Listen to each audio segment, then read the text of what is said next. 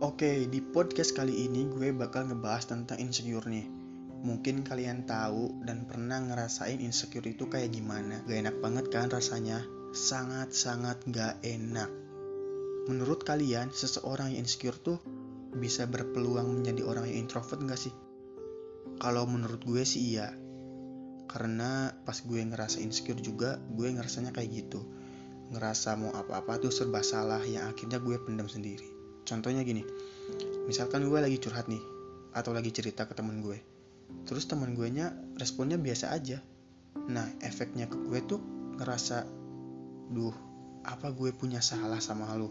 Sampai lu nanggepin cerita gue gini banget hal yang kayak gitu tuh yang akhirnya ngebuat gue pendem sendiri gitu yang tadinya pengen gue ceritain ke temen gue berharap dia ngasih solusi atau saran tapi mereka malah nanggepnya biasa aja mau dipendam serba salah nggak bisa gitu kan. Mau diceritain dia nanggepinnya biasa aja. Jadi akhirnya kita pendem sendiri. Dan insecure tuh bener-bener bisa nyerang kita kapan aja. Yang tadinya kita lagi seneng, lagi happy, lagi kumpul, lagi ngobrol sama teman-teman kita, terus ngedengar cerita teman-teman kita yang ngebuat kita ngerasa insecure, padahal teman kitanya juga gak bermaksud ngebuat kita ngerasa insecure, tapi nggak tahu kenapa pas mereka ngomong, eh gue dikasih kado nih, dikasih hadiah pas gue ultah sama orang tua gue. Gue baru dapat kerja di PT besar nih, gue dapet ranking satu di sekolah. Dan lo gimana? Lo udah lo lo udah dapet kerja belum? Lo dikasih hadiah apa pas lo ultah sama orang tua lo? Lo dapet ranking berapa di sekolah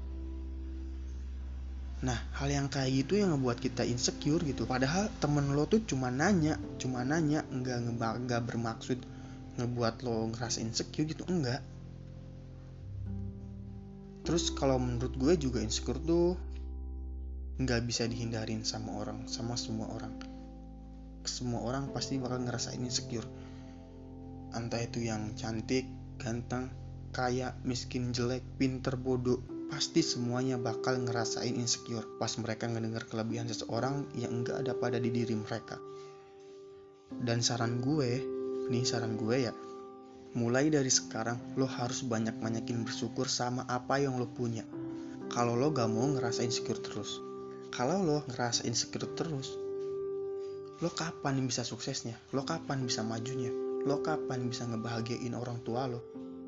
Dan udah seharusnya kita ngasih reward ke diri kita masing-masing karena udah nyoba berjuang untuk bisa memperbaiki diri kita masing-masing.